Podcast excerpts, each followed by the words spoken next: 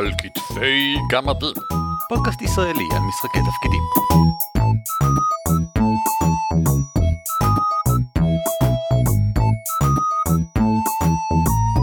שלום וברוכים הבאים לפרק 186 של על כתפי גמדים. הלו הוא הפרק ה-186 של הפודקאסט על כתפי גמדים. הפודקאסט הישראלי עוסק במשחקי תפקידים מדי שבוע, אפילו כשלאורי נולד ילד. שמי הוא ערן אבירם, נעים מאוד, אני אורי ליפשיץ. והפעם יש איתנו אורחת. שלום, אני דסי, אשתו של ערן. ואנחנו מדברים. על הבעתה. האמת שזה תורגם לעברית גם בתור המאוים, שני שמות שקצת קשה לנו איתם, אז אנחנו פשוט נקרא לזה כמו שקוראים לזה בדרך כלל באנגלית, The Uncanny. אה, שם שאותו אני שמעתי במקור מהקומיקס The Uncanny X-Men, ואני חשבתי שהכוונה היא פשוט ל, אה וואו, הם ממש סבבה, Uncanny בטח אומר, ממש סבבה, אבל זה בכלל לא מה שזה אומר. אה, ואנחנו נדבר על זה קצת עכשיו בעקבות מייל ששלח לנו יונתן כרמי ב-2016. הייתי אומר בדיוק מה התאריך, אבל לא נעים לי. שלום רב גמדים, מקווה שאתם נהנים במכרותיכם, ומקווה שהגעתם כבר למחצב השוקולד. שאלה לי אליכם, איך אני יכול להכניס את ה-uncanny למשחק שלי? אני מריץ משחק במערכת פנטזיה מעט אפלה, ואני מאוד רוצה להכניס את ה-uncanny, את אותה תחושה מפחידה של דומה אבל לא בדיוק למשחק. אבל אני לא יודע איך. אני לא יודע איך ליצור את התחושה הזאת בתיאור מילולי, ולהשתמש בתמונה נשמע לי טיפה מוזר. האם יש לכם רעיונות? יונתן שלחנו עוד שתי שאלות נוספות באותו מייל, אבל כבר ענינו על כולן בשעתו, כששלחנו לו את המייל אז, והן לא קשורות ישירות לנושא הזה, אז נשים אותן כרגע בצד.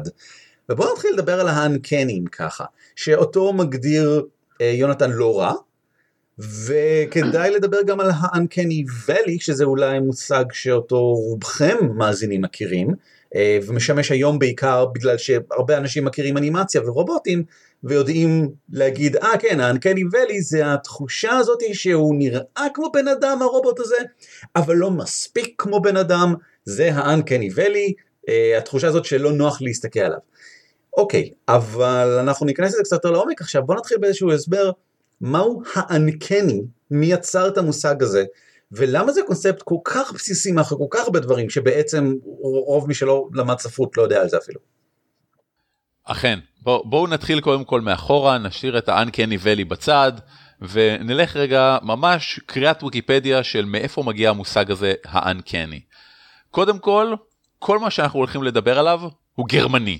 מי שטבע את המושג ה-uncanny, או די unheimlich, או איך שהם לא מבטאים את זה בגרמנית, היה ארנס ינטש, הוא היה פסיכולוג, הוא כתב מאמר, אנחנו מדברים על 1906, לפני הרבה הרבה הרבה מאוד, והתפיסה של ינטש היא מאוד מאוד בראש.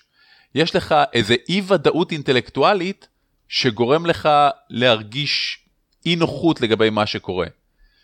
אחר כך פרויד, שהפך את זה להרבה הרבה יותר פופולרי, את כל המונח הזה, הלך ופיתח את הרעיון הזה קצת יותר רחב. עכשיו, קודם כל ניתן disclaimer מהותי, אני לא למדתי פסיכולוגיה, דסי לא למדה פסיכולוגיה, ערן הוא תופעה פסיכולוגית, אבל כל מה שאני הולך להגיד לפחות לגבי האנקני, בא מהצד של ניתוח ספרות, בא מהצד של איך ליצור, לנתח ולהבין את המושג הזה בתוך יצירות אומנות, שזה משהו שגם אני וגם דסי למדנו, אה, ביחד אפילו בחלק מהשיעורים, אי שם באוניברסיטת תל אביב לפני אה, המון שנים. אחרי ההעברה הזאת, אני בכלל לא מדבר על ה-uncanny valley, שהוא מושג אחר, ואנחנו נתייחס אליו רק לקראת הסוף, זה בכלל 70 שנה אחר כך ב-1970, מהנדס רובוטיקה בשם מסהירו מורי טבע את המונח הזה, והוא בכלל עוסק בתחום האסתטיקה. אז נשאיר את זה בצד, ונתקדם ל-uncanny. עכשיו, אני הולך לפשט מאוד את כל מה שאני הולך להגיד, אז ברור שהרבה מהדברים ייפלו הצידה, אבל אנחנו עוסקים פה כדי, במינימום התיאוריה הנדרשת על מנת ליצור אפקט פסיכולוגי. זה מה שירון אסו קורא לו אה, בנפנופי ידיים. כן. ובכן, בקצרה, Uncanny, או הבעתה, או המאוים, זה דיסוננס קוגנטיבי שנובע מהמתח שיש לנו בתוכנו בין משהו שהוא גם מוכר וגם לא מוכר. מה זאת אומרת? דמיינו לעצמכם שאתם עכשיו הולכים הביתה, פוגשים את אבא שלכם, והוא מדבר אליכם בשוודית, שפה שהוא מעולם לא דיבר. אז מצד אחד זה אבא שלכם ואתם מכירים אותו והכל בסדר. מצד שני, קרה פה משהו שגורם לכם מיד לחשוב שמשהו לא בסדר. עכשיו, אם הוא מדבר שוודית זה מאוד ברור. אתם יכולים לשאול, אבא, למה אתה מדבר שוודית? מתי למדת שוודית? ביקרת בשוודיה? איזה כיף. מה קורה אם זה משהו שהוא מטריד באותה מידה, אבל אתם לא שמים לב אליו בהתחלה? ובאיזשהו שלב אתם מנסים לשכנע את עצמכם שהכל בסדר. דוגמה יותר ברורה לזה יש שאתם הולכים הביתה, פוגשים את אבא שלכם, והוא שמאלי. ואתם חושבים לעצמכם, רגע, הוא תמיד השתמש ביד שמאל? או שאני טועה? אני פספסתי משהו? הדיסוננס הזה שיש בתוכנו של האם משהו פה שונה מהותית, או שאני פספסתי משהו כל הזמן ואני לא בטוח מה נכון, זה in a nutshell ה-uncanny. בקצרה אפשר להגיד שיש פה איזה הזרה של משהו שקודם היה נורא קרוב אליכם, ופתאום הוא נהיה זר, אתם כבר לא בטוחים או שהוא הדבר להחליך שלעצמו, או שאתם אי פעם הבנתם את הדבר כמו שהוא באמת. וזה יוצר תחושת ריחוק שהיא מאוד קשה לנו, כי הריחוק הזה הוא ממשהו שעד לפני רגע היה מאוד קרוב אלינו. אני מקווה שכולכם הבנתם עכשיו מה זה הדבר הנורא הזה שהוא uncanny. ואם לא, אז אה, בואו ניתן כמה דוגמאות. אה, למשל, דסי, איזה דוגמאות קלאסיות יש לאנקני? באחת הדוגמאות שפשוט ראינו ממש לאחרונה, יש אה, סדרת אה, גיבורי על אה, שהיא מתקיימת לאחרונה בעולם של אקסמן, שנקראת ליג'ן. היא מאוד מאוד מעניינת, היא מאוד שונה מכל אה, סדרת גיבורי על אחרת שראיתי. בלי ספוילרים, בלי ספוילרים. זה לא ספוילר, אה, אז זה ייתן לך טעם מסוים של מה הסדרה. אה, היא לגמרי פסיכולוגית, היא, היא ממש מתרחשת במוח של מישהו פחות או יותר. ואחד הקטעים הממש יפים שהיו ממש בפרק האחרון, זה שהוא נזכר איך פעם הוא היה ילד בהלואוין. אה, איך קוראים הלואוין בעברית? ליל כל הקדושים. ליל לכל הקדושים, ויש שם איזשהו ילד שהוא מחופש, כי זה הלואוין, ואז המסכה של הילד נראית כמו פרצוף ענקי של ילד, והילד הזה פשוט לאט לאט לאט הולך לקראתו. וזה כאילו מצב נורמלי, כי הלואוין וילד אמור להיות מחופש, ומצד שני יש משהו ממש מבעית במסכה הזאת, שנראית כמו פרצוף של הילד רק הרבה יותר גדול, והוא גם הולך כמו אדם מבוגר או כמו רובוט. והשילוב ביניהם זה היה אחד הרגעים ממש יפים של אלקני שראיתי לאחרונה. עוד דוגמה, משהו שאת אמרת שהפתיע אותי, זה שאם חוזרים על משהו שוב ושוב, על משפט כלשהו, שוב ושוב, זה דוגמה לאנקני? למה? כי הוא מאבד מהמשמעות המקורית שלו והופך להיות משהו יותר ויותר מבהיל. למשל, המשפט shall we begin, סתם זורקת. אם אתה מתחיל במשפט shall we begin, ואז ממשיך, אין שום בעיה, אבל אם כל חמש דקות אני אעצור את ההקלטה הזאת ואני אגיד shall we begin, ואגיד את זה בקול יותר ויותר, shall we begin, זה, זה ילך ויהפוך להיות יותר ויותר מבהיל ויתרחק מהמשמעות המקורית שלו. וזה למשל משהו שכן אפשר לשלב בסשן. אפשר לקחת איזשהו משפט מפתח שמתחיל נורא תמים, ולאט לאט מקבל יותר ויותר קונוטציות מבהילות. ושוב מאוד יפה לראות פה איך משהו שהוא מוכר וברור לנו לאט לאט מסיטים אותו מהמשבצת הזאת של משהו שאנחנו מבינים. מה שגורם לאט לאט לתחושת אי נוחות שהולכת וגוברת והולכת וגוברת. הם, ייתכן שלהרבה אנשים בבית בשלב הזה, כי אני יודע שזה היה בשלב שלי כש, כשרק ניסינו להתחיל לדבר על הפרק הזה, זה נשמע כמו, רגע, במה זה בעצם שונה מפשוט כאילו נגיד אימה או מתח? כאילו מה, מה אתם עושים? והתשובה הפשוטה היא שזה פשוט אימה ומתח, זאת אומרת האנקני הוא פשוט אחד מהעקרונות הפסיכולוגיים הבסיסיים שעומדים מאחורי תחושות של אימה ומתח שאנחנו מרגישים וזה משהו שמנוצל כל כך הרבה בכל כך הרבה מקורות תוכן שבאמת חבל שבכן חבל שלא כל המנחים לומדים מבוא לספרות אולי נגיד את זה ככה כי זה היה יכול ממש לעזור בהרצה של מלא דברים. זה מעניין שאתה אומר את זה כי בסופו של דבר מה שאתה לומד בניתוח סיפורת זה איך בונים נרטיב, איך נרטיב מתבסס על חלקים קודמים בנרטיב, איך יוצרים אלמנטים מסוימים באמצעות טקסט. והרבה ממה שאנחנו עושים במשחקי תפקידים לא שונה. אנחנו מתבססים על המון עקרונות ספרותיים של סיבוכיות ופריקה של הסיבוכיות ויצירה של דברים על גבי דברים קודמים. זה לאורך כל השנים שאנחנו מקליטים אני רואה את זה שוב ושוב שעקרונות ספרותיים פשוטים נכונים עוזרים מאוד לבניית הרפתקה, לבניית קמפיין, להרצת סשן. אה, אולי כן ההבדל בין אנקני לבין אימה לפעמים, זה השאלה היא האם אתה רואה את המפלצת.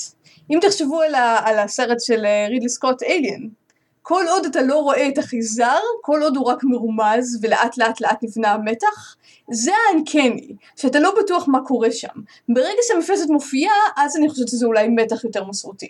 האנקני זה, בר... זה אי ביטחון, זה להיות במקום של אי ביטחון, שאתה לא מבין מה קורה, מי זה, מה זה, ברגע שאתה רואה כבר משהו מפלצתי, אני חושבת שזה עובר כבר למקום אחר.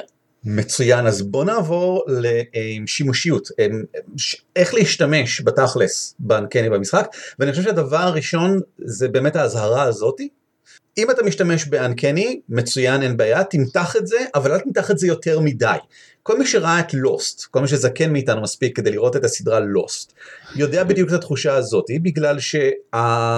המתח, הדבר המוזר, ה... רגע מה זה, יש כאן גם האץ' ויש את הספרות וזה, וזה זה היה, היה, הייתה שם תחושה די רצינית של אנקני, והיא נמתחה ולא קרה עם זה כלום, לא קיבלנו פיי אוף. במשחק תפקידים בואו ננסה להימנע מזה. תעשו משהו שלא מתגלה, תמתחו אותו לאורך כמה זמן, אבל אז כן תגלו אותו, ומיד תתחילו משהו אחר שלא גלוי. זאת אומרת, אתם יכולים לשמור על התחושה בכך שאתם מחליפים את האלמנט שיוצר אותה. אם התמה של המערכה שלכם, אם מה שאתם מנסים להעביר, לא בדיוק המסר, אבל אם אתם רוצים לתת תחושה כל הזמן לא הרף של אי נוחות, אז שתמיד יהיה משהו שהוא אנקני, אבל זה לא חייב להיות אותו דבר. אם הוא נמתח יותר מדי, באיזשהו שלב הוא מאבד את המתח, ואז סתם מתמסמס, ואו שהוא נשכח, או הכי גרוע, אתם יוצאים מזה גרועים בתור היוצרים, מסתכלים עליכם ב... בחוסר כבוד מסוים, אני מתרגם ישירות מהתחושה שהייתה לי מלוסט, כי אני לא יכול לסמוך עליך יותר שהפעם הבאה שתיתן לי מתח, אני אתייחס אליו ברצינות. למה? אני לא מקבל מזה כלום בסוף. זה לא כל כך קשור לאנקני ואלי, מה שאמרת עכשיו, כמו שזה קשור בכלל לבניית נרטיב נכון. אם היה מסתורין גדול כלשהו, אם היה משהו מעניין, והסיפור נגמר והמשהו המעניין הזה לא בא לידי ביטוי, לא קיבלנו כמו שאמרת פי אוף ממנו, אז אנחנו מרגישים לא מסופקים וזה ברור. נכון מאוד. אני רוצה לפתוח פה סוג, סוגריים קטנים, כוכבית שכזאת, וכל פעם שאומרים uncanny, האסוציאציה הראשונה שקופץ לי לראש, יש feat ב Pathfinder וב-D&D מהדורה שלישית שנקרא Uncanny Dodge. זה שימוש שונה במילה Uncanny מהשימוש שאנחנו מדברים עליו. Uncanny באנגלית פשוטה יכול להת... להיות מתורגם גם ללא סביר. כן. Uncanny Dodge זה התחמקות בלתי סבירה בעליל. זה כמו Uncanny X-Men במקור. כן, זה היכולת של אה, גנב אם אני לא טועה להתחמק מהתקפה ובמקום לקבל חצי נזק לא לקבל נזק בכלל. או שהיה גם אחד מהגרסאות Uncanny Dodge היה מאפשר לך שאי אפשר לעשות לך פלנק כי אתה מתחמק משני הצדדים. לכל מי שזה קופץ לו לראש כל פעם שאומרים אנקני והוא משלים בראש לדודג' משם זה בא אל תבלבלו את זה עם מה שאנחנו מדברים עליו בפרק הזה. אז בוא נמשיך לגבי שימושיות אה, סוף סוגריים אה, כן מה מה האתגר הכי גדול של אנקני במשחקי תפקידים. לדעתי זה החלק הראשון והבסיסי החלק של לבסס מוכרות לבסס משהו שיגרום להרגיש ביתי ומוכר ונעים מספיק כדי שאפשר יהיה לעשות לו הזרה כדי שירגיש מוזר.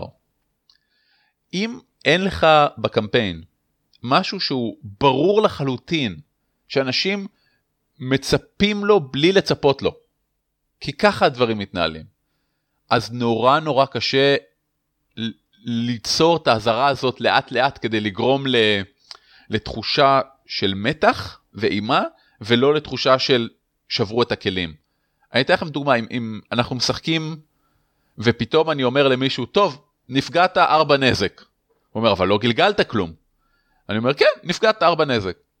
זה משהו שהוא מאוד אנקני, אבל הוא מאוד בוטה, הוא מאוד שברנו את הכלים.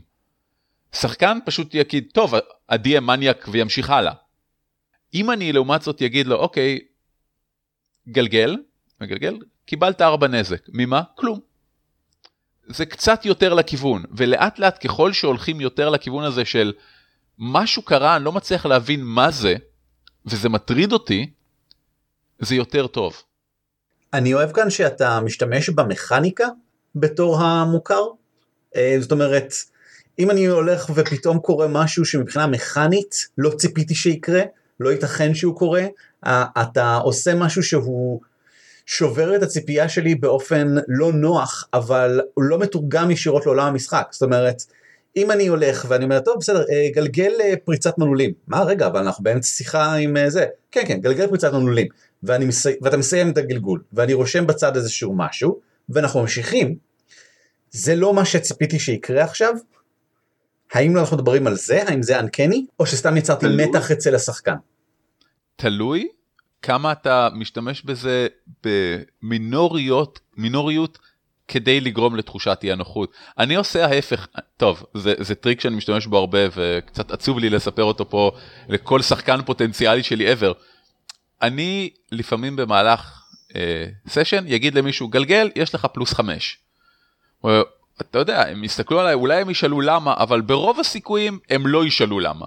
כי אמרת להם שיש להם פלוס חמש אז הם מגלגלים פלוס חמש יופי. ומתישהו בהמשך אותו סשן ברגע הרבה יותר מהותי לדמות אני אגיד טוב יש לך מינוס חמש. והוא ישאל מה למה? אני אגיד זה כמו הפלוס חמש ממקודם גלגל.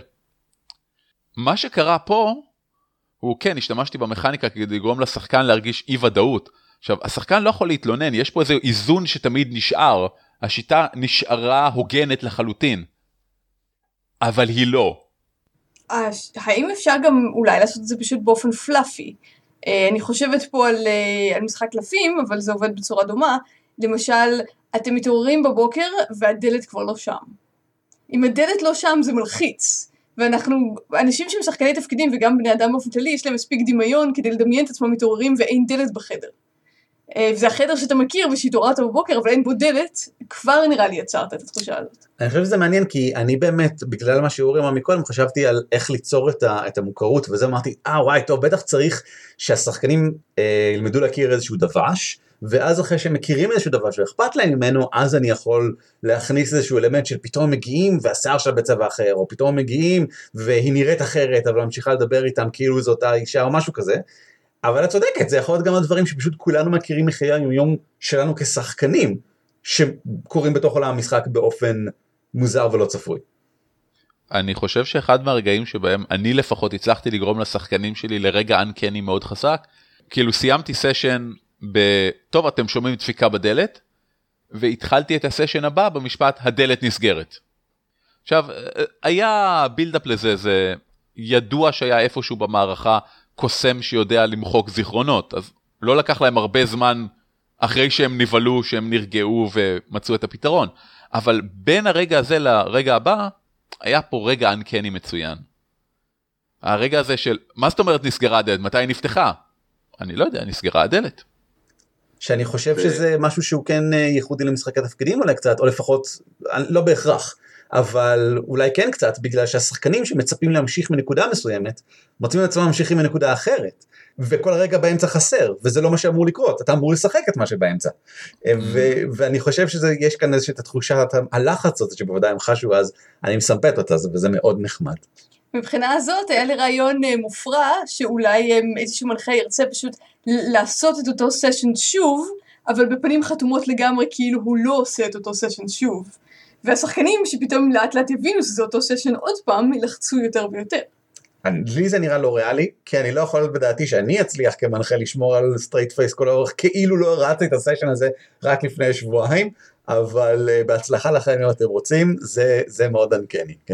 דווקא פה זה קצת בעייתי לדעתי כי אה, to groundhog a party uh, מלשון groundhog day למי שלא מכיר את הסרט המעולה אה, שבו מישהו תקוע בלולאה של אותו יום.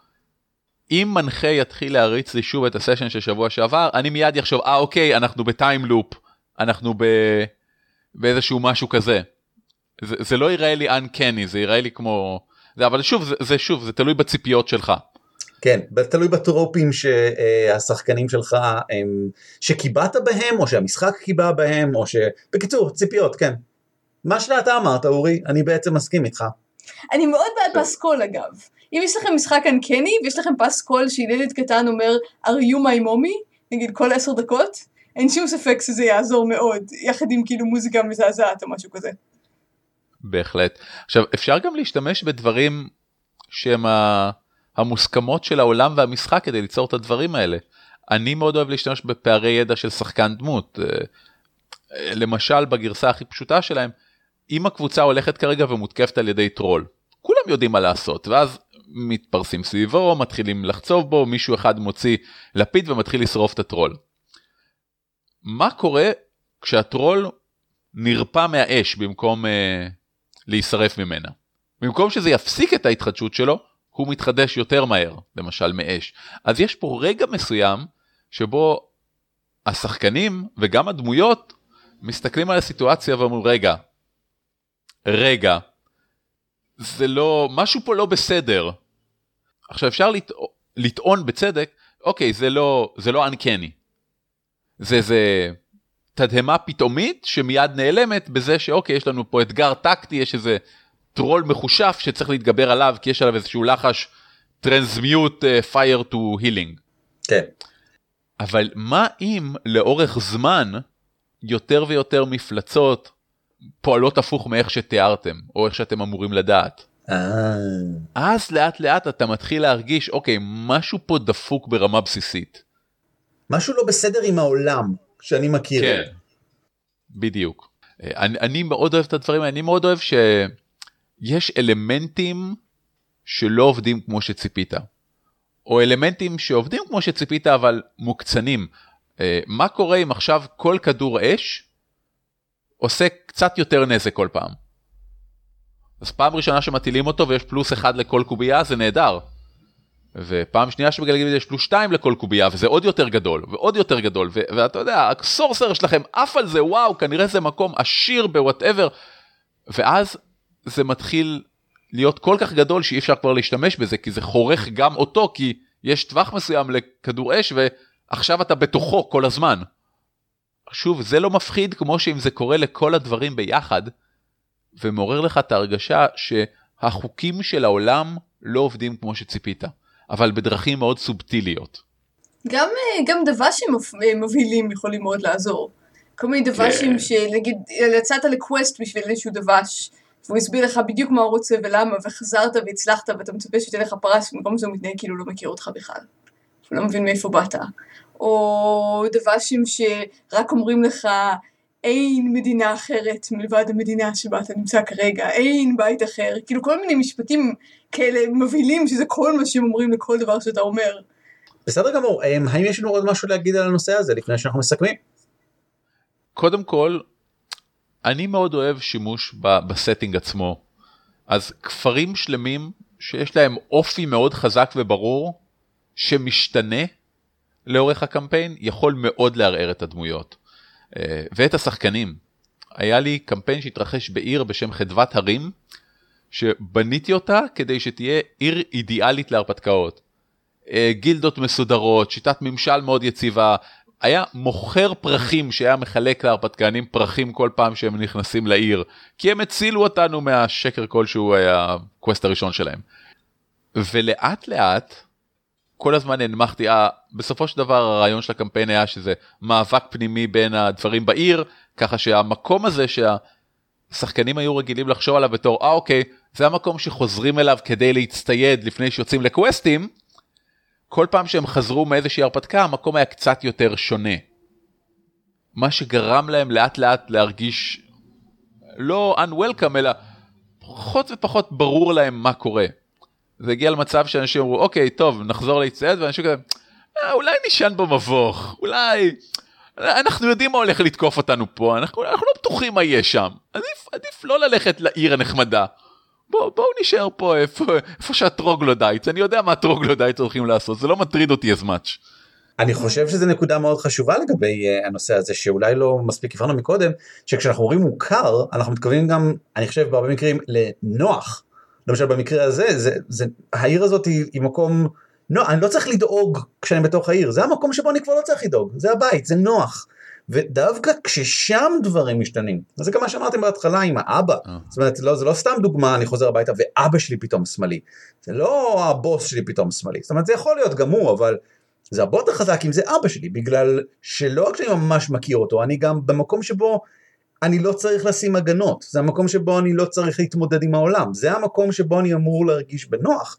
ודווקא פה דברים אינם בטוחים כמו שהיו מקודם. משהו לא עובד כמו אמור היה לעבוד תמיד, או שאני זוכר אותו כעובד ככה תמיד. אה, אם אני לא טועה, בגרמנית הרי המושג הוא אונהיימליכט, אז היימליכט זה ביתי במובן של בית. כן, וזה גם לא לא ביתי, טועה. בו זמנית. זה איזושהי מילה מאוד משונה בגרמנית שאומרת ביתי ולא ביתי באותה מילה. לכן אנקני משתמשים בה כי אנקני וקני זה מאוד דומה. אז זה כאילו כן. האנגלית שמצאו. אני חושבת שלמשל, מה שתיארת עם הכפר ממש ממש מגניב, וזה יכול להיות ממש נחמד, אם למשל הם הולכים לשוק, הם עושים את הקניות, קונים את הכלי נשק, את השירנות, את כל הדברים המגניבים שלהם, ואז הם יוצאים מהשוק והם בשוק, והם יוצאים שוב מהשוק והם בשוק. כאילו איזושהי תחושה שאתה מצפה שאתה הולך לאנשהו ואתה מגיע למקום אחר ואתה כל הזמן נמצא באותו מקום. זה גם כן סוג הדברים שמעוררים את אותה תחושה. אה, אבל שוב, חשוב לציין שהתחושה הזאת בדרך כלל נעלמת ברגע שיש לך את ההסבר. כן, כן, כן. אז אם, אה, אם יוצאים מהשוק ונכנסים לשוק ומנסים לברר קצת ומגלים, אה אוקיי, יש פה שדה סיוני שגורם לנו תמיד אה, לפנות שמאלה, שמאלה, שמאלה עד שאנחנו חוזרים על עקבותינו, בשלב הזה, זה, התחושת אימה נעלמת וזה בסדר. זה סופו של, של קו הסיפורי הזה. אה, אם אין אופציה כזאת לסופו של הקו הסיפורי, לרוב זה לא סיפור מוצלח, כי זה אומר שאין מאחורי זה איזשהו משהו הגיוני שאפשר בסופו של דבר להבין, אין payoff, אין פתרון. כן, בהחלט. והמקום של המנחה זה לדעת בדיוק לשחק על הקו הדק הזה, למתוח את זה כמה שאפשר כדי שיהיה מותח, ואז לדעת מתי לסיים את זה. אז אה, זה לא חייב להיות באותו סשן, אבל כדאי שזה יהיה נגיד בסשן הבא, או עוד שלושה סשנים. לא עוד עשרים סשנים. בהחלט. אגב, מאחורי הקלעים של איך לעשות דברים כאלה, אה, משחקי תפקידים נותנים לנו המון המון המון כלים. אה, החל מ-the obvious, aliens, אוקיי, יש חייזרים שגורמים לדברים לא להיות כמו שהם. אה, טריקים מדעיים, ניתוחים, אה, כל העולם הוא סימולציית מחשב כמו המטריקס שלפעמים עושה גליצ'ים. בעולם פנטזיה סטנדרטי יש לכם שייפ שיפטרים, משני צורות, כמו דופלגנגרים בגרסה הכי קלאסית, או פסאם, שהם מהחביבים עליי כי הם נראים כמו שקית שוקו בצורתם הטבעית. כל הדברים האלה הם שליטה מנטלית, הקסמת איש, הם דרכים מאוד אלגנטיות ליצור את הדברים האלה. לרוע מזל הם גם דרכים כבר מוכרות מאוד ובנאליות ולכן כנראה יהיו הדבר הראשון שאנשים יחשבו עליהם, אבל עדיין אפשר להשתמש בהם. אם כרגע אתם יודעים שאחד מהאנשים בפארטי הוא דופלגנגר, זה מספיק כדי לחשוד בכולם. אם אתם יודעים שמישהו בחצר המלוכה הוא פסאם או דופלגנגר, שוב, כל אחד מהאנשים ייראה לכם חשוד, מה שיגרום להכל להיראות קצת שונה. וזה המתח הזה שאתם רוצים ליצור. יש לי שאלה אליכם. יש שיטות מסוימות שעדיפות על אחרות, נכון? כאילו לא, לא כדאי לעשות אנקני ואלי במוד 5 למשל, עדיף לעשות את זה באנון ארמיז. אוקיי, אפשר לעשות אותה במוד 5, פשוט אני לא בטוח עד כמה השיטה תעזור בזה, בזמן שב-Unknown Army זו שיטה שבה יש מדדי טירוף, שבה הם, עצם התחושה הזאת יכול לגרום לגלגול, בגלל שהמדדים האלה עוקבים אחרי המצב הפסיכולוגי של הדמות שלך. אז שם זה משהו שאתה תרצה להכניס לסיפור באופן מאוד שונה מכפי שתרצה להכניס את זה במוד 5, אבל זה לגיטימי בשניהם באותה מידה, ההשלכות של זה שונות. לא, זו לא הכוונה שלי. אם למשל אני הולכת בשוק ואני יודעת שקיים לחש שהוא שדה מגנטי וימנע ממני לצאת מהשוק, זה הרבה פחות מפחיד מאשר אם אני נמצאת בש... בשיטה אחרת שלא נותנת לי את המידע הזה. את צודקת לחלוטין, ובמקרה הזה למשל, יש עוד יתרון מעניין של Unknown Armies, אה, צבאות אלמונים, שזו שיטה שבה הקסם, בעוד שהעקרונות הבסיסיים שלו מוכרים למי שמשחק בה, אתה אף פעם לא כל כך יכול להיות בטוח מה בדיוק עומד להיות מסוגל לעשות מי שמולך. אוקיי. זאת אומרת, זה המרווח הזה שבין הבגדול אני חושב את ההיקף של מה שעשוי לקרות לגבי מה בתכלס קורה, גורם לכך שאתה לא, זה לא צפוי, וזה בהחלט יכול לגרום לדאגה מאוד רצינית, ועם שימוש נכון אני חושב גם כן, לאנקני שכזה. אוקיי, מצוין. אז כדאי שזה יהיה בשיטה שבה השחקנים לא יודעים הכל. זה לא חייב להיות רק במצב שכזה, זה יכול להיות בכל מיני מקרים. זאת אומרת, שוב, אני, אני בשמחה אכניס את זה למשחק ה-D&D 5 שלי. פשוט שאני אכניס את זה או למקום שבו אין לשחקנים שום סיבה לחשוב שלחש כזה נמצא בידי שימוש, וזה יכול להיות לחש מאוד פשוט, זה יכול להיות הקסמת אדם. אבל אם אין להם שום סיבה לחשוב שמשהו באזור מטיל הקסמת אדם, מה אם האבן הזאת הטילה להם הקסמת אדם? הם לא מסוגלים את זה בדעתם, אני רק אומר לו, גלגל כריזמה, טוב, למה? הצלת כריזמה, כן, אבל למה אני עושה את זה? אני באמצע מבוך, אין כאן אף אחד, שקט גמור, אפילו הטרוגלודיטים לא יגיעו. אבל אני אומר לך לעשות את זה בכל זאת, ואתה לא יודע שזה בגלל שהאבן מטילה עליך את זה. אתה לא יודע שזאת אבן תבונית, או שיש בה שאריות של הנשמה של קוסם, או לא חשוב מה. זה לחלוטין אפשרי ב-D&D 5. ואני משתמש במשהו מוכר בשביל לעשות משהו לא מוכר, אבל זה עדיין אפשרי ובלי הרבה בעיות. אוקיי, סבבה.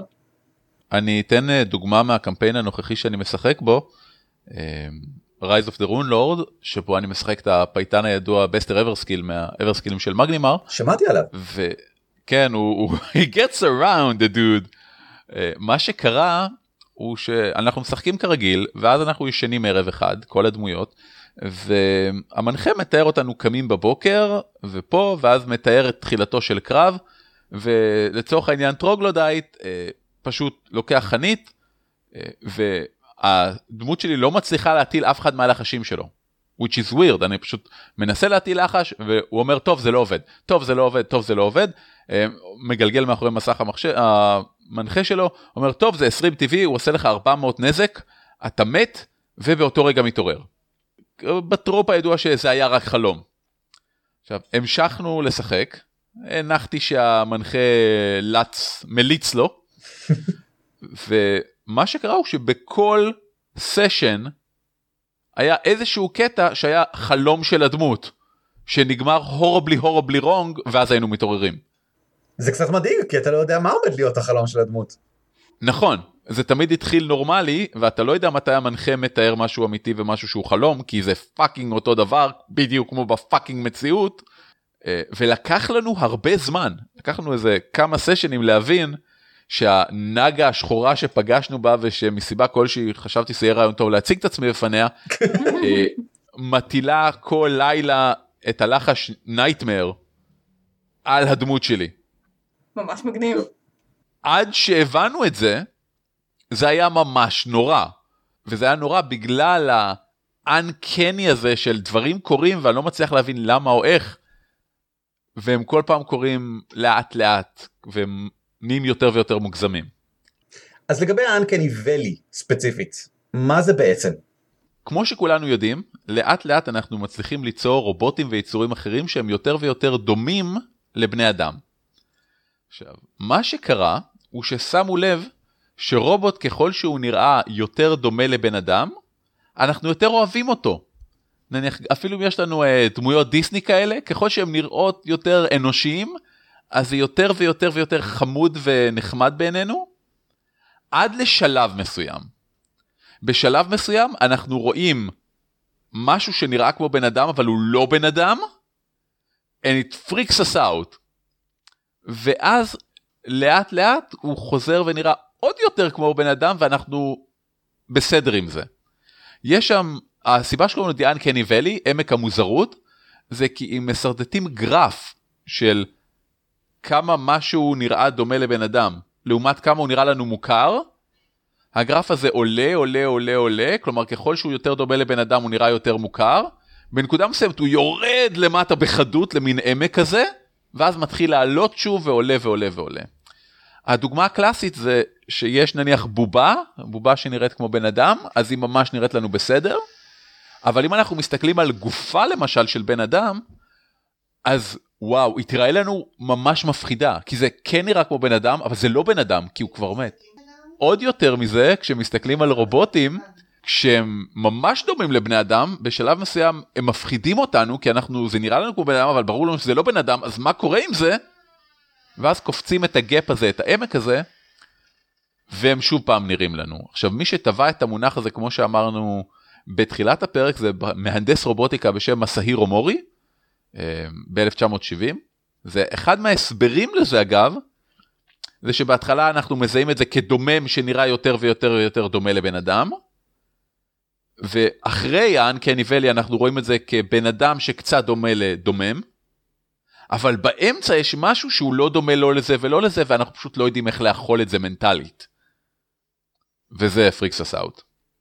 אז זה ה-uncanny valley, זה מונח אסתטי שמתאר את חוסר הנוחות והיכולת שלנו פסיכולוגית לתפוס משהו שנראה ממש כמו בן אדם אבל בבירור לא בן אדם. בסדר גמור. סבבה. אני רוצה לסכם עם אה, אמירה עתידית על החשיבות של האנקני עומד להיות ב, אה, בקריסטל הארט, בקומיקס שלנו, או, שזה גם הערכה של אה, עולמות פראיים כזכור, ובהמשך עומד להיות לנו לא מעט מזה, ובסופו של דבר גם נפתור את זה, כי אנחנו מספרים סיפור טוב. בסדר, זהו. תשמע אתם אתם משחקים בקמפיין שבו הלבבות של אנשים מוחלפים בקריסטלים הפוטנציאל האנקני פה הוא פנומנלי. חכה חכה. אז לא ככה, נראה לי שזה הזמן לעבור לגמדים חופרים. גמדים חופרים. זה הרגע בתוכנית שבו אנחנו מדברים קצת על הבן של אורי. נו אורי, אז מה, מה, מה, איזה לחשים הילד שלך כבר יודע? או, קודם כל הילד שלי עוד לא בן שבועיים. הוא כל כך חמוד ונחמד ונהדר ומדהים וקוסם. השטג קוסם spellcaster לא בהכרח. כאילו קוסם. אני לא יודע אני, אני יודע שהוא עושה weird shit אבל אה, אני לגמרי לא בטוח שהוא arcane spellcaster. אני יכול להגיד בינתיים שאני מנהל יומן שבו אני רושם את כל הלחשים שהוא מטיל כל פעם. בינתיים אני יודע להגיד שעל זוגתי הוא הטיל charm person. עליי זה כבר לגמרי dominate. אה, הוא יודע להטיל nightmare, אני לא ישנתי כבר שבועיים. עכשיו, יש שלישיית לחשים שהוא מטיל פשוט כ... כ quicken, שזה מדהים. הוא יודע ליצור stinking cloud, שזה מאוד מרשים ביחס לגיל שלו. create אה, water, באופן מפתיע, לחש מעוצמה ראשונה שרוב האנשים לא משתמשים בו, alarm. ש... כן, זה פשוט אה, פנומנלי הקטע הזה. הם גדלים כל כך מהר. המון מזל טוב אורי. תודה. אה, איך קוראים לילד? קוראים לו רם, כלומר thunder באנגלית, ופשוט כי הוא נולד באמצע סופת רעמים. כן, זאת ויום הסיבה. אחד, כן, ממש אה, לפני אה, שבועיים בישראל היה סופת רעמים וברקים, ואז היה רעם גדול, והוא פשוט נולד. אין מה לעשות. אה, כן, רעם בר, כי החלטנו לש... להוסיף לשמות המשפחה של שנינו את השם בר. סבבה. וואלה.